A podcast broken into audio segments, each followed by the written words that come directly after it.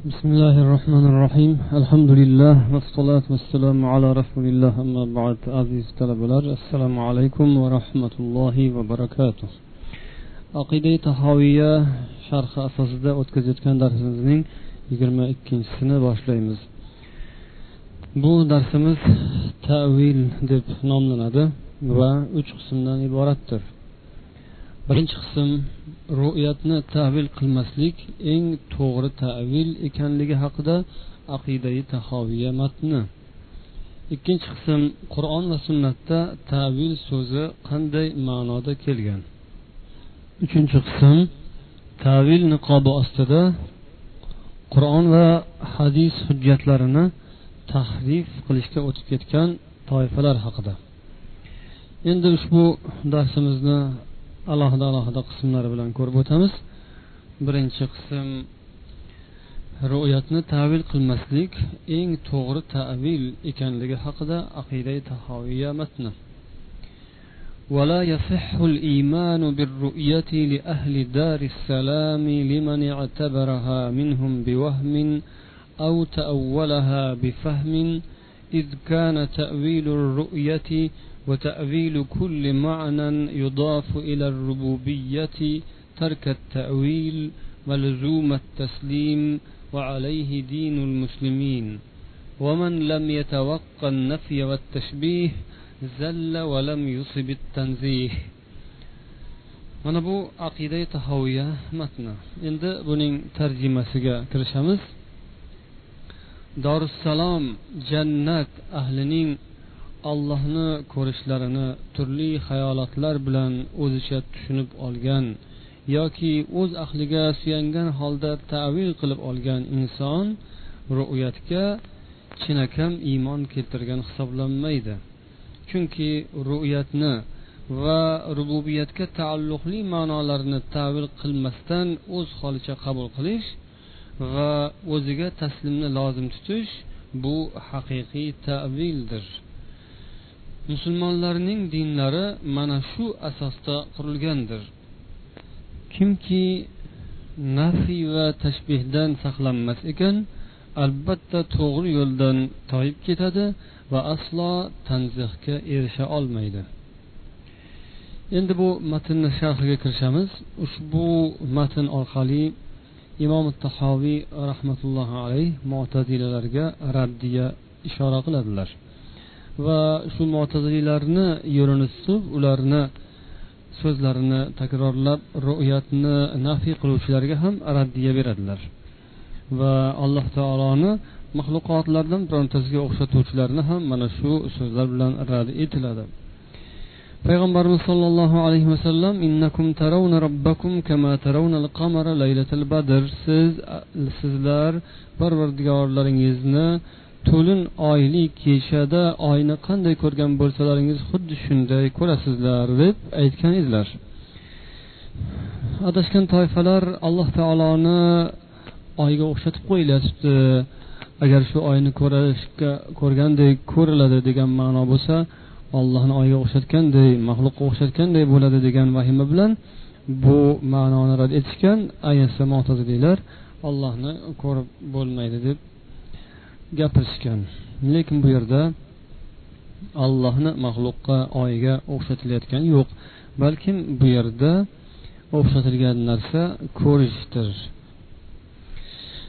Ya'ni ru'yatni ru'yatga tashbih etilyapti. Mar'iy ya'ni ko'rilgan ko'riladigan narsani emas. Oyni ko'rish qanday aniq ravshan hech bir shubhasiz bo'lganidek alloh taoloni ham ko'rish ana shunday aniq ravshan va shubhasizdir deyilmoqchi. Yana bundan tashqari imom buxoriy va muslim rivoyat qilgan hadislarida taravna robbakum kama taravna shamsa fi zahirati laysa dunaha sahab degan ibora bilan keltirilgan. Parvardigorlaringizni xuddi ochiq oydin bulutsiz ko'ppa kunduzi peshin mahalida quyoshni ko'rganday ko'rasizlar deganlar. Ya'ni bu yerda quyoshni bulutsiz ochiq havoda ko'rish qanday bemalol va aniq shubhasiz bo'lganidek alloh taoloni ham shunday aniq va shubhasiz ko'rish nazarda tutilyapti. Demak bu yerda kama iborasiga e'tibor beriladi. Kama taravna xuddi ko'rganlaringizdek. Demak ko'rish ko'rmoq fe'li o'xshatilyapti. Ko'riladigan narsa o'xshatilayotgan yo'q. Ammo mo'tazililar alam tara kayfa faala robbuka bi ashabil fil? oyatini dalil qilib bu yerda ko'rmoq fe'li bilish ma'nosida kelgan deb davo qiladilar. Haqiqatdan ham arab tilida raa ko'rmoq fe'li. Ba'zan ko'z bilan ko'rmoq ba'zan qalb bilan bilmoq ba'zan tushda ko'rmoq ma'nolarida keladi. Alam kayfa surasining birinchi oyatida payg'ambarimizga alloh taolo parvardigoringiz ashobi fillarga qanday muomala qilganini ko'rmadingizmi? degan oyatni nozil qilgan. Bu yerda albatta ashobi filga qanday muomala bo'lganini payg'ambarimiz ko'rgan emaslar. Bu yerda bilmadingizmi? degan ma'noda keltirilgan. Ya'ni shu voqeani qanday sodir bo'lganini bunda parvardigorning qudrati hikmatlari mo'jizasi qanday namoyon bo'lganini axir ko'ring bildingizmi degan ma'noda. Ko'rmoq fe'li bu yerda bilmoq ma'nosida kelgan. Lekin bu fe'l ko'z bilan ko'rish yoki bilish yoki tushda ko'rish ma'nolaridan qaysi biriga ishlatilayotganligi shu kalimani atrofida kelgan qarinalardan qo'shimcha ishora qiluvchi so'zlardan bilib olinadi. Agar hech qanday bir qarinasiz ishorasiz qo'shimchasiz kelsa unda ma'no anglashilmay qoladi.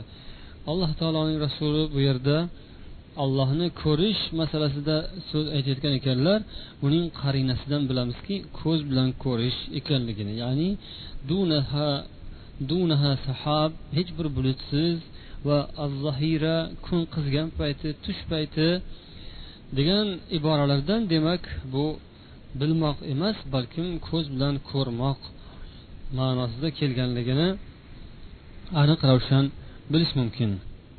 Chunki bu yerda ko'z bilan ko'rishga monelik qiladigan narsalar zikr qilindi ya'ni bulut e, bu inson biror narsani ko'rishda masalan oftobni ko'rishda unga to'sqinlik qilib qolishi ko'zga to'sqinlik qilib qolishi mumkin bo'lgan narsa bulut va yana kun rosa qizigan tipga kelgan payti tush vaqti bu kunduzi rosa yorug' bo'lib turgan mahal. Ya'ni yorug'lik ko'zni biror narsani ko'rishdan to'sib qo'yadigan narsa zulmat.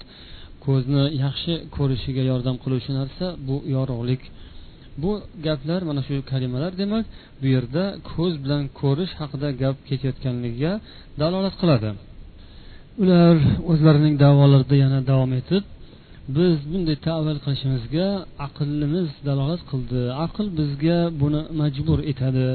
Aqlning taqozosi bu deydilar. Chunki alloh taoloni ko'z bilan ko'rish bu mumkin emas bu muhol narsa. Tasavvur qilib bo'lmaydigan narsa ekanligini aql ishora qildi. Shuning uchun biz shu tavilga yurdik deydilar. Lekin ularga javob aytiladiki bu so'zni alloh taoloni ko'rish aniq va haqqi rost ekanligini aytuvchi kishilar ular ham aqlli kishilar va ko'pgina aqlli kishilar sizlardan ko'ra ko'proq aqlli kishilar sizlarga xilof qildilar. Aql bu narsalarni bo'lishi mumkin emasligini emas balkim albatta allohu payg'ambar xabar bergandan keyin u sodir bo'lishi aniq va haqqi rost ekanligini qabul qilgan ham bu aqldir. Sizlardan ko'ra ko'proq aqllilar bu narsaga tasdiq qilganlar deb javob beriladi. Yana shu yuqoridagi matnda ya'ni kimki bu ollohni ko'rish masalasini o'zicha biron bir xayolot bilan o'zicha gumon va taxminlar bilan tushunib olgan bo'lsa u haqiqatan ham chinakam iymon keltirgan hisoblanmaydi deb o'tildi. Bu o'rinda kimki allohni ko'rishni o'zicha gumon qilsa har xil narsalarga o'xshatsa taxmin qilsa mana bunday qilib ko'rilarmikin? Mana falonday hay'atda mana bunday holatda ko'rilarmikin deb u xayolparastlik qilib o'zicha turli xil narsalarni ko'z oldiga keltirib tasavvurga kirishib ketadigan bo'lsa bu ham ru'yatga xilof yo'l tutgan bo'ladi. Bunda u tashbehga kirib ketgan bo'lib qoladi. Alloh taoloni biror bir narsaga o'xshatib qo'ysa uni ko'rishni ko'zi oldiga keltirishga urinib ko'rsa bu demak mushabbih bo'lib qoladi. Agar u mushabbih bo'lib qolishdan cho'chib qo'rqib ketib buni butunlay rad etib demak bu narsa mumkin emas ekan. Inson mushabbih bo'lib qolar ekan ko'z oldiga biror narsani keltirib gavdalantirishga majbur bo'lar ekan demak bu narsa mumkin emas ekan allohni ko'rish mumkin emas ekan deb agar buni butkul yo'qqa chiqaradigan bo'lsa u muattil bo'lib qoladi. Ya'ni allohni sifatlaridan birini bekor qiluvchi botil qiluvchi yo'qqa chiqaruvchi bo'lib qoladi. Balki bu inson uchun lozim va vojib bo'lgan narsa u avvalgi hayolotidan voz kechishi turli xil tasavvurlarni xayoliga ko'ngliga keltirishdan saqlanishi ya'ni tashbihdan saqlanishi va nafiydan ham alloh sizlarga inkor etib tashlashdan ham saqlanishi lozimdir. imom tahoviy rahimaulloh mana shu ma'noga ishora qilib ومن لم يتوقع النفي والتشبيه زل ولم يصب التنزيه dedilar ya'ni kimki nafiy va tashbihdan saqlanmasa albatta yo'ldan toyib ketadi tanzihga erisha olmaydi bu mo'taziliy toifalar ular alloh taoloni tanzih qilamiz dedilar tanzih ya'ni poklash noloyiq sifatlardan pok tutish Allohni noloyiq sifatlaridan poklaymiz deb ular nafiyga kirib ketdilar. Ya'ni butunlay sifatlarni bekor qilishga o'tib ketdilar. Demak bu o'rinda nafiydan ham tashbihdan ham saqlanish kerak. Tanzih bu allohni poklash biron bir sifatni butunlay yo'q qilish bilan amalga oshmaydi. Allohni ko'rish bu alloh taolo bandalarga ko'rinishi mumkin ekanligi bu allohni kamolot sifatlaridan. Agar alloh taoloni maxluqqa o'xshatib qo'yamiz ekan degan vahima bilan bu sifatni nafiy etiladigan bo'lsa unda muattil bo'lib unda mo'tazililar qatoriga inson qo'shilib qoladi. Lekin ko'rish deganda albatta butunlay allohning kunhi mohiyatiga uning zoti nima ekanligiga inson yetadigan darajada aslo bo'la olmaydi. Allohni ko'rish bu idrok qilish emasdir. Ko'rish bu olloh xohlaganday olloh xohlagan kayfiyatda amalga oshadigan narsa. Ihota bilan ya'ni allohni zotiyu mohiyatini butunlay hammasini idrok qilib o'rab olishdek bo'lib ko'rish u aslo mumkin bo'lmagan narsa. Bu alloh taoloni ihota qilib butkul mukammal tarzda bilib bo'lmaganiga o'xshaydi.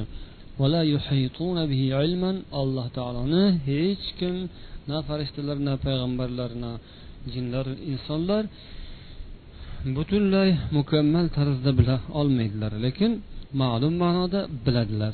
Xuddi shunga o'xshagan mukammal tarzda allohni kunhi mohiyati bilan ko'ra olmaydilar lekin olloh xohlagan tarzda olloh xohlagan kayfiyatda ko'ra oladilar. Yana shu matnning o'rtasida degan ibora keldi. Ya'ni kimki o'zini aqlicha o'ylab o'zini o'lchovi bilan o'lchlab allohni ko'rishni o'zicha tavil qilsa u ham alloh taoloni ko'rishga chinakam iymon keltirgan hisoblanmaydi. Demak ba'zilar alloh taoloni ko'rish masalasida tavil qilyapmiz deb o'zlarini noto'g'ri maqsadlarini amalga oshirdilar yoki adashib ketdilar. Ular bizning so'zimizga yo'limizga muvofiq kelmagan oyatlarni hadislarni hujjatlarni tavil qilamiz deb bir qancha iboralarni tavil qilib yo'ldan adashdilar. Bu o'rinda yuqoriroqda o'tganimiz la nadxulu fi zalika mutaavvilina bi araina vala mutavahhimina bi ahvoina degan iboralarga bu ham hamohang va ta'kid ekanligini tushunamiz. Bu yerda ru'yatni tavil qilish va rububiyatga taalluqli ma'nolarning har birini tavil qilish haqiqiy tavili bu tavilni tark etishdir degan ibora ham o'tdi. Bu yerda tavilni umuman tark etish kerak ekan degan ma'no chiqmaydi balkim tahrif nazarda tutilyapti. Tavil qilyapmiz deb tahrifga o'tish dinni buzish qur'on oyatlarini boshqa tomonga burib yuborish bu tahrif bu ma'nolarni chalkashtirib tashlash buni ba'zi bir zamonlarda ba'zi bir kimsalar tavil deb nomlaganlar tavil degan niqob ostida tahrif tomonga o'tganlar. Bu yerda imom tahoviyning maqsadlari har qanday tavilni butunlay tark etish emas balkim tavillar ichida to'g'risi va zaruriysi ham albatta bor.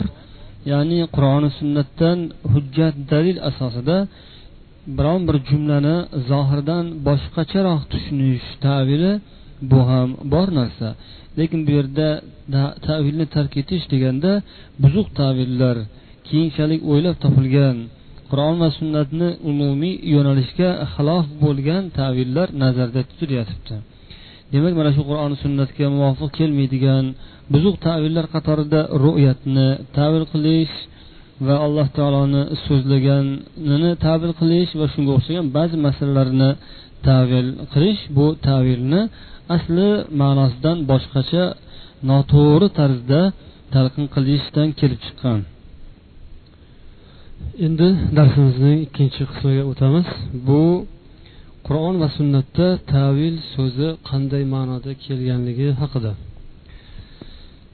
Qur'oni karim va sunnati nabaviyaga nazar soladigan bo'lsak u yerda tavilni shunday ta'riflashimiz mumkin.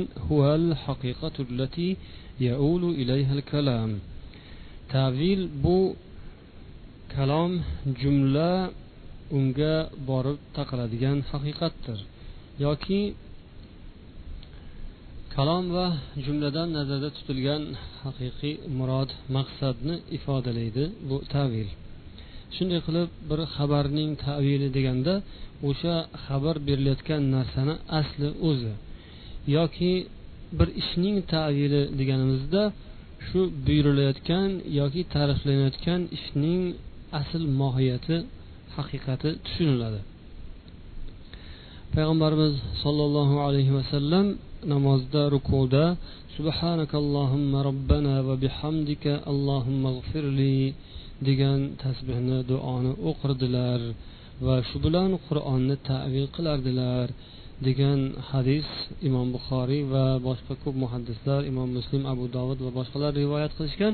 Buni hazrati oysha roziyallohu anhu onamizdan keltirilgan.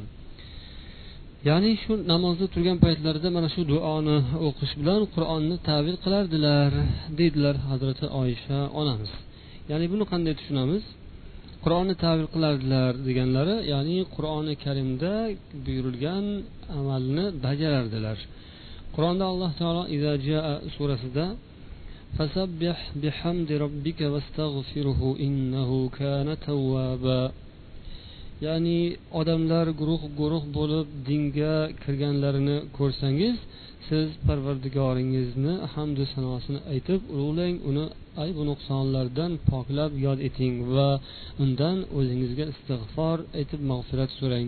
Chunki u tavbalarni ko'p qabul qilguvchi zotdir deb qur'oni karimda olloh marhamat etgan. Bu suradan payg'ambarimiz sollallohu alayhi vasallam o'zlarini muddatlari muhlatlari yaqinlashayotgan ekanligini sezdilar va umrlarini oxirida ko'pincha mana shu tasbehni duoni o'qir edilar. Subhanallohi va bihamdihi astag'firulloh va atubu ilayh. Yuqorida biroz boshqacharoq ibora bilan kelgan bo'lsa bu yerda sal boshqacharoq lafzlar bilan keltirilgan lekin baribir ma'nolari bir xil. Shunda hazrati oysha onamiz yo rasululloh judayam mana shu duoni ko'p o'qiyapsiz a nima bo'ldi sizga? deb so'radilar. Shunda payg'ambar alayhissalom parvardigorim menga xabar bergan ediki yaqinda ummatlarim ichida bir alomat belgini ko'rar ekanman. Agar shuni ko'rsam man parvardigorimni ko'p yod etish hamdu sanosini bajo qilish va undan mag'firat so'rashga buyurilganman. Mana shuni ko'rdim dedilar. Ya'ni agar alloh taoloning yordami g'alabasi kelib nusrat g'alaba sizga nasib bo'lsa va odamlar dinga guruh guruh bo'lib to'p to'p bo'lib kirganlarini ko'rsangiz degan oyatni keltirdilar. Ya'ni bu narsa mana amalga oshdi. Shuning uchun ham alloh taologa mana shu buyrug'ini bajo qilib tasbih etyapman istig'for so'rayman. U gunohlarni kechiruvchi tavbalarni qabul qiluvchi zotdir dedilar. Ya'ni mana shu so'z bu mana shu hadis orqali biz tavilni ma'nosini chuqurroq tushunib olishimiz mumkin ekan. Payg'ambarimiz alayhissalom shu alloh taolo qur'oni karimda buyurgan buyrug'ini bajo qilib duolarida subhanakallohumma robbana va bihamdik allohimma g'firlini aytishlari qur'onni tavil qilishlari bo'ldi. Shu bilan u kishi qur'onni tavil qilardilar ya'ni qur'onda buyurilgan buyruqni bajo qilardilar. Yoki arof surasining ellik uchinchi oyatida ham alloh taolo aytadi azu billahi minash shaytonir rojim hal yanzuruna illa ta'wilahu yawma ya'ti ta'viluhu deb mushriklar shu qur'onning tavilini mana shu buyurilgan buyruqlarning tavilini faqat kutib turibdilar xolos. Buning tavili kelgan kunda ya'ni qiyomat kunida ular ya'ni shu qur'onni dunyoda unutgan kishilar aytadilar axir dunyoda haqiqatan ham parvardigorimizning elchilari kelishgan edi biz uni unutibmiz bilmabmiz degan so'zni aytadilar. Shu yerdagi tavil ham haqiqat o'sha ishning haqiqati degan mazmunda kelgan. Ya'ni qur'onning tavili qur'onda buyurilgan buyruqlar ko'rsatilgan yo'llar ishlar bularni haqiqiy mohiyati oqibati bundan ko'zga ko'zda tutilgan maqsad bu mushriklarga noma'lum bo'lsa ular shuni tavilini kutib turibdilar. Uning tavili haqiqati qiyomat kunida keladi. Yoki yusuf alayhissalom haqlarida kelgan oyatlarda hada tavil ru'yaya min qabl. Mana bu oldin avvalda alloh taolo menga ko'rsatgan tushimning tavilidir dedilar. Ya'ni tushlarida alloh taolo u kishiga kelajakda bo'ladigan ko'pgina holatlar haqida bashorat bergan xabar bergan edi va o'zlarini aka ukalari tomonidan ko'p musibatlarga duchor qilinishlari va oxirida aka ukalari tavba tazarrular qilib u kishini huzurlariga bo'yin egib kelishlari oldindan tushlarida ko'ringan edi. Ya'ni tushlarida bir quyoshu bir oy va yana o'n bitta yulduz tushib u kishiga sajda qilganini ko'rganlar.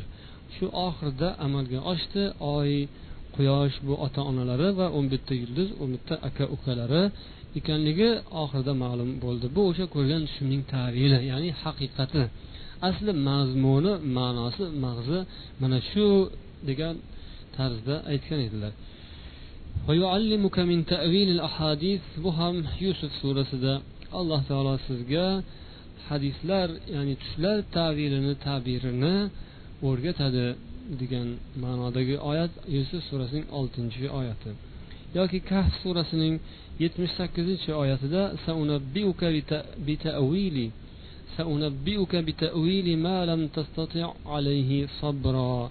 siz sabr qilib biroz kutib bardosh bilan sabr toqat bilan kutib tura olmagan ishlarni mana tavirini men sizga endi aytib beraman deb hazrati hidr alayhissalom muso payg'ambarga aytgan so'zlari.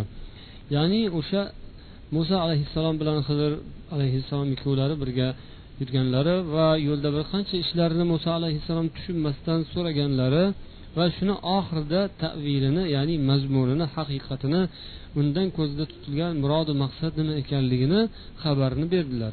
Shunday qilib demak bu ishning tavili bu yerda anglashiladi. Bir ishni tavili uning haqiqati.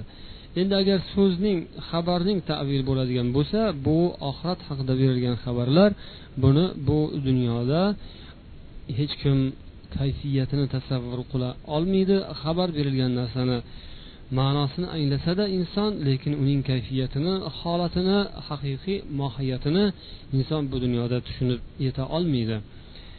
Bu o'rinda so'zning xabarning tavili nazarda tutilyapti.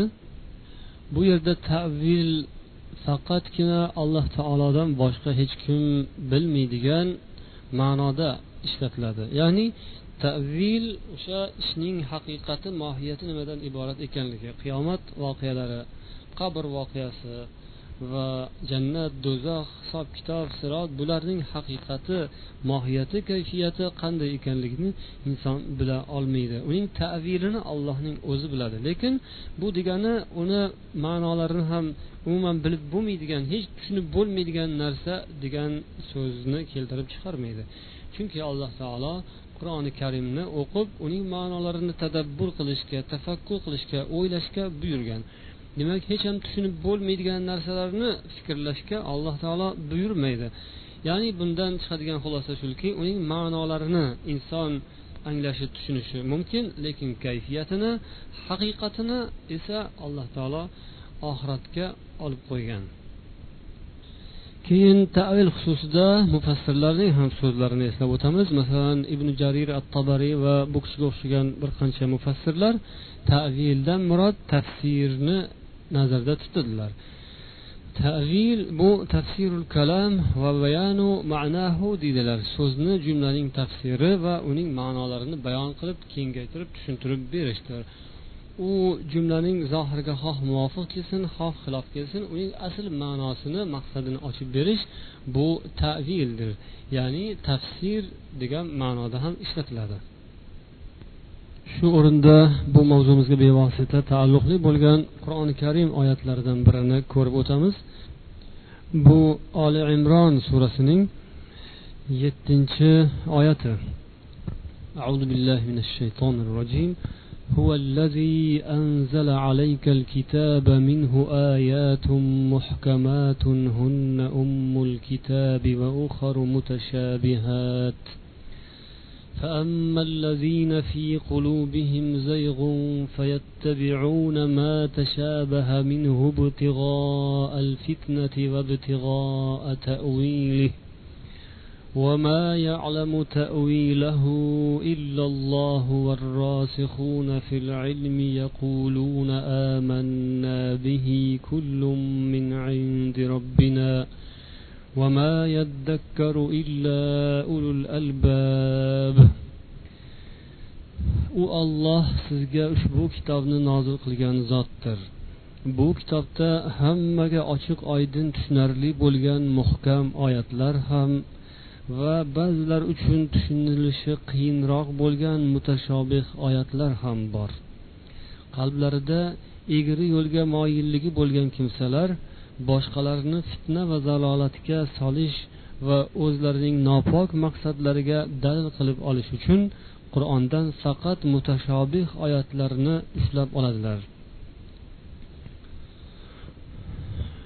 Bu oyatlarning tavilini faqatgina alloh taolo va ilmda mustahkam va alloh taolo o'zi madad bergan insonlargina biladilar xolos. Ilmda mustahkam bo'lgan va allohning marhamatiga sazovor bo'lgan olimlar aytadilarki biz bunga albatta iymon keltirdik. Ularning har biri mutashobih oyatlar ham va muhkam oyatlar ham albatta parvardigorimiz huzuridandir. Bu haqiqatlarni faqatgina aql egalarigina anglaydilar va doimo yodda saqlaydilar. Ushbu oyatlarda ham alloh taolo tavil kalimasini keltirgan. Va bu yerda yana bir narsa bizga ma'lum bo'ladiki qur'on oyatlarining bu yerda muhkamot va mutashobihat degan ikki qismga bo'linishini ko'ramiz. Muhkamot degani aniq ochiq oydin ravshan tushunarli va aniq hamma uchun barobar bo'lgan hech bir o'zgartirilishi hech qaysi tomonga burilishi boshqacha qilib talqin etilishi aslo imkoni iloji bo'lmagan oyatlar. Uni hech bir shakku shubhasi yo'q. Hech kim undan shubhaga tushmaydi shubhaga tushirishga urinib ham ko'rmaydi. Bu halol harom farz va shunga o'xshash ishlarni belgilagan oyatlar. Bularni alloh taolo ummul kitob deb aytdi. Ya'ni kitobning onasi mana shu kitobning asli o'shanga murojaat qilinadi. Tushunilmay qolgan paytda shunga solishtiriladi. Nizolar chiqib qolgan paytda shunga taqqoslanadigan shu bir tarozi o'lchov ona kitobning onasi hamma shunga murojaat qiladigan manba. Boshqasi esa va uxar mutashabihat boshqalari mutashabihat bo'lgan oyatlar. Ya'ni boshqa hukmlar chiqayotganga ham o'xshab ketadi. Aslida bu shabah so'zidan o'xshash so'zidan olingan. Dam bu tomonga bu narsaga o'xshaydi dam boshqacha ma'no chiqayotganga o'xshaydi. Lafz jihatidan tarkib jihatidan u har xil ma'nolarga burilayotganga o'xshaydi. Lekin ma'no murod maqsad esa har xillikni ifoda qilmaydi. Albatta maqsad ham murod ham ma'no ham bittaku lekin lafz ibora jihatidan boshqa ma'nolarga har xil ma'nolarga ishora qilayotganday bo'lib tuyuladi. Bu qanday oyatlar deb o'rtada savol qo'yilgan paytda mutashobih oyatlar bu suralarning avvalda keladigan muqattaat harflar huruful muqattaa. Al huruful muqattaa ya'ni yakka yolg'iz harflar masalan alif lam mim yoki kaf ha ya ayn sod shunga o'xshash ko'pgina suralarning avvalida keltirilgan alohida alohida harflar. Bulardan ko'zlangan ma'no nima ekanligi haqida ba'zi bir fikrlarni aytilgan bo'lsa ham lekin ko'pchilik ulamolar buni haqiqiy mazmun maqsadni olloh biladi degan so'zlar bilan kifoyalanganlar.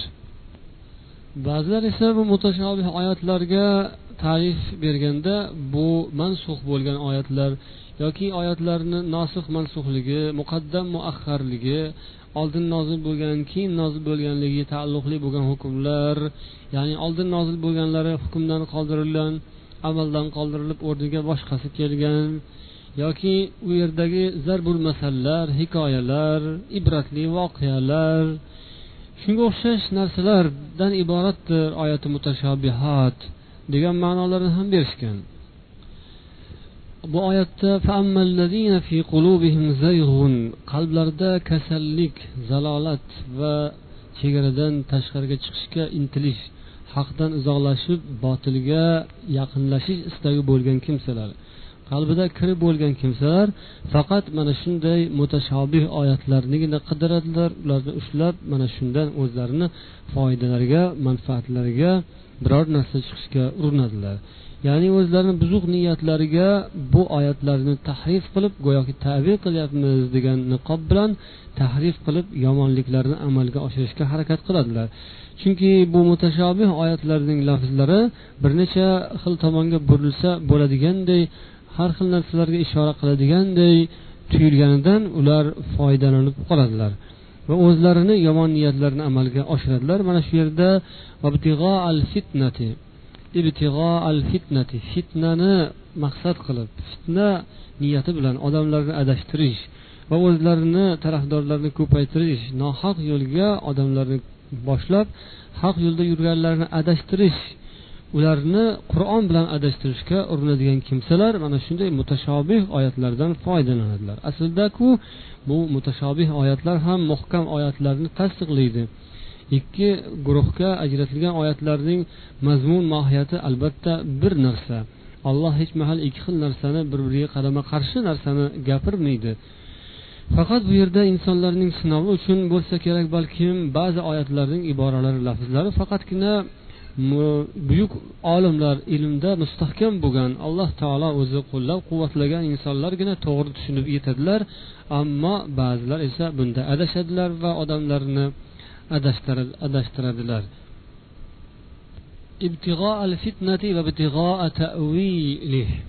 Fitna maqsadida fitnani maqsad qilib qidirib va tavirni qidirib ya'ni shu buzuq uni o'zlaricha boshqa tomonga burish maqsadida uni ushlaydilar demak bu o'rinda ham tavil kalimasi ishlatilyapti lekin bu yerda tavil o'sha noto'g'ri buzuq tavilni maqsad qilgan insonlarni ustida gap ketyapti. Ammo biz yuqoridagi so'zlardan bildikki tavil bu faqatgina qur'oni karimni tahrif qilish emas balki uni ma'nosini to'g'ri tushuntirib berish ma'nosida maqsadida ishlatilganligi va so'zlarni to'g'ri talqin etish uning haqiqatini tushuntirib berish ma'nosida kelganligi xususida biz yuqorida oyatlarni ko'rib o'tdik. Va payg'ambarimiz sollallohu alayhi vasallam hazrati abdulloh ibn abbos haqlarida duo qilgan edilar. Bu ham hadislarda vorid bo'lgan. Allohumma fid din va allimhu tavil deganlar. Ya'ni ey olloh bu abdulloh ibn abbosga dinni o'zing to'g'ri tushuntirgin va tavilni o'zing o'rgatgin deganlar. Ya'ni tavil shu qur'oni karimni tafsir qilish va jumlalarni so'zini to'g'ri talqin qilib uni chiroyli qilib tushuntirish qobiliyatini alloh taolo hazrati abdulloh ibn abbosga berishni payg'ambarimiz so'raganlar. Va haqiqatan ham hazrati abdulloh ibn abbos juda ham buyuk mufassirlardan hisoblanar edilar qur'oni karimni tafsirlari. Boshqa abdulloh ibn masud va yana bir qancha sahobalar olim sahobalar qatorida hazrati abdulloh ibn abbosdan rivoyat bo'lgan.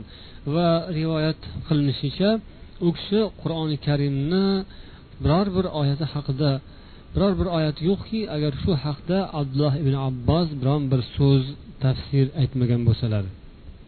Ushbu oyatni ikkinchi qismi وما يعلم تأويله إلا الله والراسخون في العلم degan joylarida ma'lum bir munozaralar bor buni ba'zi ulamolar deb to'xtab keyin deb ulab ketishni o'qib ketishni davom ettirishni aytishsa boshqalari esa وما يعلم تأويله إلا الله والراسخون في العلم يقولون آمنا به deb illallohda vaqf qilmasdan o'tib ketishni ma'qul ko'radilar.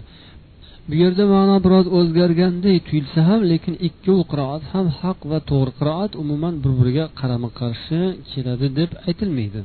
Buni o'zbekchada agar tushunadigan bo'lsak deb to'xtalganda uning tavilini ollohdan boshqa hech kim bilmaydi. Ilmda yuksak cho'qqilarga erishgan insonlar esa buni hammasini biz alloh taolodan deb bilib unga iymon keltirdik deydilar degan ma'no chiqadi. Agar vaqf qilmasdan to'xtamasdan o'qib ketiladigan bo'lsa uning tavilini alloh taolodan va ilmda yuksak cho'qqiga erishgan insonlardan boshqa hech kim bilmaydi. Va ilmda yuksak martabaga ega bo'lgan kishilar esa bularni hammasini alloh taolodan ekaniga biz iymon keltirdik deb aytadilar degan mazmunda chiqadi. Birinchisida xuddi uning ma'nosini ollohdan boshqa tavilini ollohdan boshqa hech kim bilmaydi. Ilmlilar esa faqatgina biz bilmasak ham iymon keltirdik mayli deb qo'yadilar deganga o'xshagan ma'no chiqadi. Ikkinchisida esa uning tavirini olloh ham biladi ilmlilar ham biladi degan ma'no chiqayotganday bo'ladi. Lekin aslini olganda ikkovi ma'no ham bir xil. Birinchi qiroatda ya'ni uning tavilini ollohdan boshqa hech kim bilmaydi degandagi ma'no tafsirni ma'nosini ollohdan boshqa hech kim bilmaydi degan mazmunda emas. Agar shunday bo'ladigan bo'lsa unda ilmli kishilar buyuk olimlar ollohdan ekaniga iymon keltiramiz deydilar degan sifat u faqatgina olimlar emas balkim oddiy insonlar ham shu so'zni odatda aytadilar unda oddiy odamlar bilan olimlarni farqi qolmaydi. Oddiy odamlar ham iymon keltirdik desalar olimlar ham ha endi bilmasak ham iymon keltirdik desalar unda ularni o'rtalarida farq qolmaydi. Hazrati abdulloh ibn abbos ana fil ilmi alladina ya'lamuna ta'wilahu deb aytganlarini imom tabariy rivoyat qilganlar. Men tavilini biladigan o'sha rosihunlardanman deganlar. Ya'ni ilmda yuksak martabaga erishgan insonlardanman deb hazrati abdulloh ibn abbos o'zlari haqida ham aytganlari bor. Ya'ni ollohdan boshqa hech kim bilmaydi deganda bu yerda ma'no haqiqatini ba'zi bir ishlarning berilgan xabarlarning haqiqatini mohiyati va kayfiyatini allohdan boshqa hech kim bilmaydi degan ma'no. Ammo ularning ma'nosini tafsirini bilish mumkin kayfiyatini esa ollohni o'zi biladi degan mazmunda. Agar vaqf qilmasdan vaqf qilmasdan to'xtamay qo'shib o'qiladigan bo'lsa unda demak qur'oni karim tafsirini ma'nolarini alloh taolo va alloh o'zi ilm ato qilgan insonlar biladilar degan ma'no kelib chiqadi. Ibn kasirda muhammad ibn ishoqdan rivoyat qilib aytadilarki وما يعلم تأويله الذي أراد ما أراد إلا الله والراسخون في العلم ya'ni uning tavilini alloh iroda qilgan tavilini faqat ollohu va ilmda cho'qqiga erishganlar biladilar degan mazmunni berganlar Ya'ni shunday ilmli kishilar mutashobih oyatlarni tushunilishi qiyin bo'lgan oyatlarning mazmuni mazmunlarini muhkamat oyatlarga qaytaradilar ularga solishtiradilar va shunday qilib ular tavilini chiqaradilar. Shunday qilib qur'oni karim hech qachon bir biriga qarama qarshi emas balkim birini biri ya'ni bu oyat boshqa oyatni tasdiqlaydi ta'kidlaydi qo'llab quvvatlaydi ammo qalbida kiri bor insonlar esa mutashobihni ayricha qilib alohida qilib undan o'zlarini yomon maqsadlar yo'lida foydalanadilar. Endi darsimizning uchinchi qismiga o'tamiz. Bu tavil niqobi ostida tahrif qiluvchi adashgan toifalar haqida. Bunday toifalarni so'zlariga qarasangiz xuddi qur'oni karimning zohiri va hadislarning zohiri kufr deyayotganday bo'ladilar va adashishlik deb davo qilganlari ham bo'lgan. Uni albatta botiniy ma'nosi bor. Shu botiniy ma'nosini olish kerak degan davo bilan chiqdilar va shunday qilib qur'on va hadislarning zohirini tavil qilamiz deb o'zlaricha yo'l qidirdilar. Lekin bu aslida tahrif edi. Haqiqatda esa qur'oni karim bu yerda faqat haq narsa. Uning zohiri botilga dalolat qiladi degan so'zni aytish juda ham xatarli narsadir. Agar qur'onning zohiri boshqa botini boshqa bir biriga teskari deyiladigan bo'lsa unda hamma uchun ham qur'oni karimni o'zicha tavil qilish o'zicha unga boshqacha ma'nolar berishga yo'l ochib qo'yilgan bo'ladi. Va shunday bo'lgan ham zamonalar davrida turli xil toifalar qur'oni karimni o'zlaricha tavil qilib o'zlarini buzuq niyatlarga xizmat qildirmoqchi bo'lganlar. Ularning davolari qanday qilib bu narsani tushunish mumkin deganda aqlni pesh qilishar edi. Aql o'zi aniq bir tiniq aql yorqin aql bu qur'onni bu haq yo'lga muvofiq gapiryaptimi zohiri yoki qarshimi? Shuni anglab beradi aniqlaydi. Aqlga muvofiq keladigan bo'lsa qabul qilamiz bo'lmasam uni tavil qilamiz. Yo'limizga aqlimizga muvofiq kelmagan joyini tavil qilib to'g'rilaymiz deyishgan. Lekin bunda savol tug'iladiki ho'p o'sha aql qanday aql? O'sha aqlni o'lchovi bormi? U aql ya'ni qur'onni to'g'ri keldi to'g'ri kelmadisini aniqlab beradigan aqlni mezoni qanday bo'lishi kerak? Chunki har qanday odam kelib o'zicha bu meni aqlimga to'g'ri kelmadi deyishi mumkin. Kimnidir o'sha adashgan toifalarni aqliga muvofiqlashtirilgan narsani boshqasi kelib bu meni aqlimga muvofiq kelmadi deb yana boshqacha bir yo'lga cho'zg'ilab ketishi mumkin. Adashgan toifalarning hammalari ixtilof qilib kelishmayotganlarning hammalari o'zlarini aqllarini pesh qiladilar va aqllari taqozo qilgan yo'lga davo qilib firqalarga ajralib ketdilar. Shuning uchun ko'p buzuq tavil ahli tavillarni noto'g'ri yo'lga kirib ketganlarini ko'rsangiz ular qur'on va sunnatni o'zlariga bo'ysundirdilar o'zlariga go'yoki tirgovich qilib oldilar. Ular unga suyanmadilar. Qur'on va sunnatga suyanishni o'rniga o'zlariga go'yoki qur'on va sunnatni suyanchiq qilib oldilar. Xohishlariga muvofiq kelsa qabul qilib xohishlariga muvofiq kelmaganini tavil qildilar. Shu bilan zindiqlik munofiqlik va zalolat yo'lini ochib yubordilar. Allohdan panoh so'raymiz. Imom muhammad rahimaullohdan oyatlar va hadislarda alloh taoloning sifatlari keltirilgan o'rinlarda uning zohiri xuddi tashbihga o'xshab ketayotganday tuyuladigan joylar bor. Shuni nima qilamiz deb so'raldi. U kishi javob berib deb javob bergan ekanlar. Ya'ni qanday kelgan bo'lsa shunday o'tkazamiz shunday qabul qilamiz va shunday deb e'tiqod qilib iymon keltiramiz. Lekin qanday ekan qanday ekan uning kayfiyati deb surishtirmaymiz. Ya'ni uning kayfiyatini allohga havola qilamiz ma'nosiga iymon keltiramiz qanday keltirilgan bo'lsa shunday qabul qilamiz. Ammo uning haqiqati kunhi va mohiyati kayfiyatini olloh biladi deymiz degan ekanlar. Hunayn g'azvasida qo'lga kiritilgan o'ljalarni g'animatlarni taqsimlayotgan paytlarida bir inson rasululloh sollallohu alayhi vasallamga noloyiq so'z aytib adolat qiling siz adolat qilmadingiz bu taqsimotda deb e'tiroz bildirdi. Shunda payg'ambarimiz alayhissalom xafa bo'lib o'zingni o'zing rasvo qilding. Agar men adolat qilmasam kim adolat qiladi? Agar men adolat qilmasam alloh taolo butun olam ahlini menga ishonib topshirarmidi? Sen ishonmayapsana dedilar.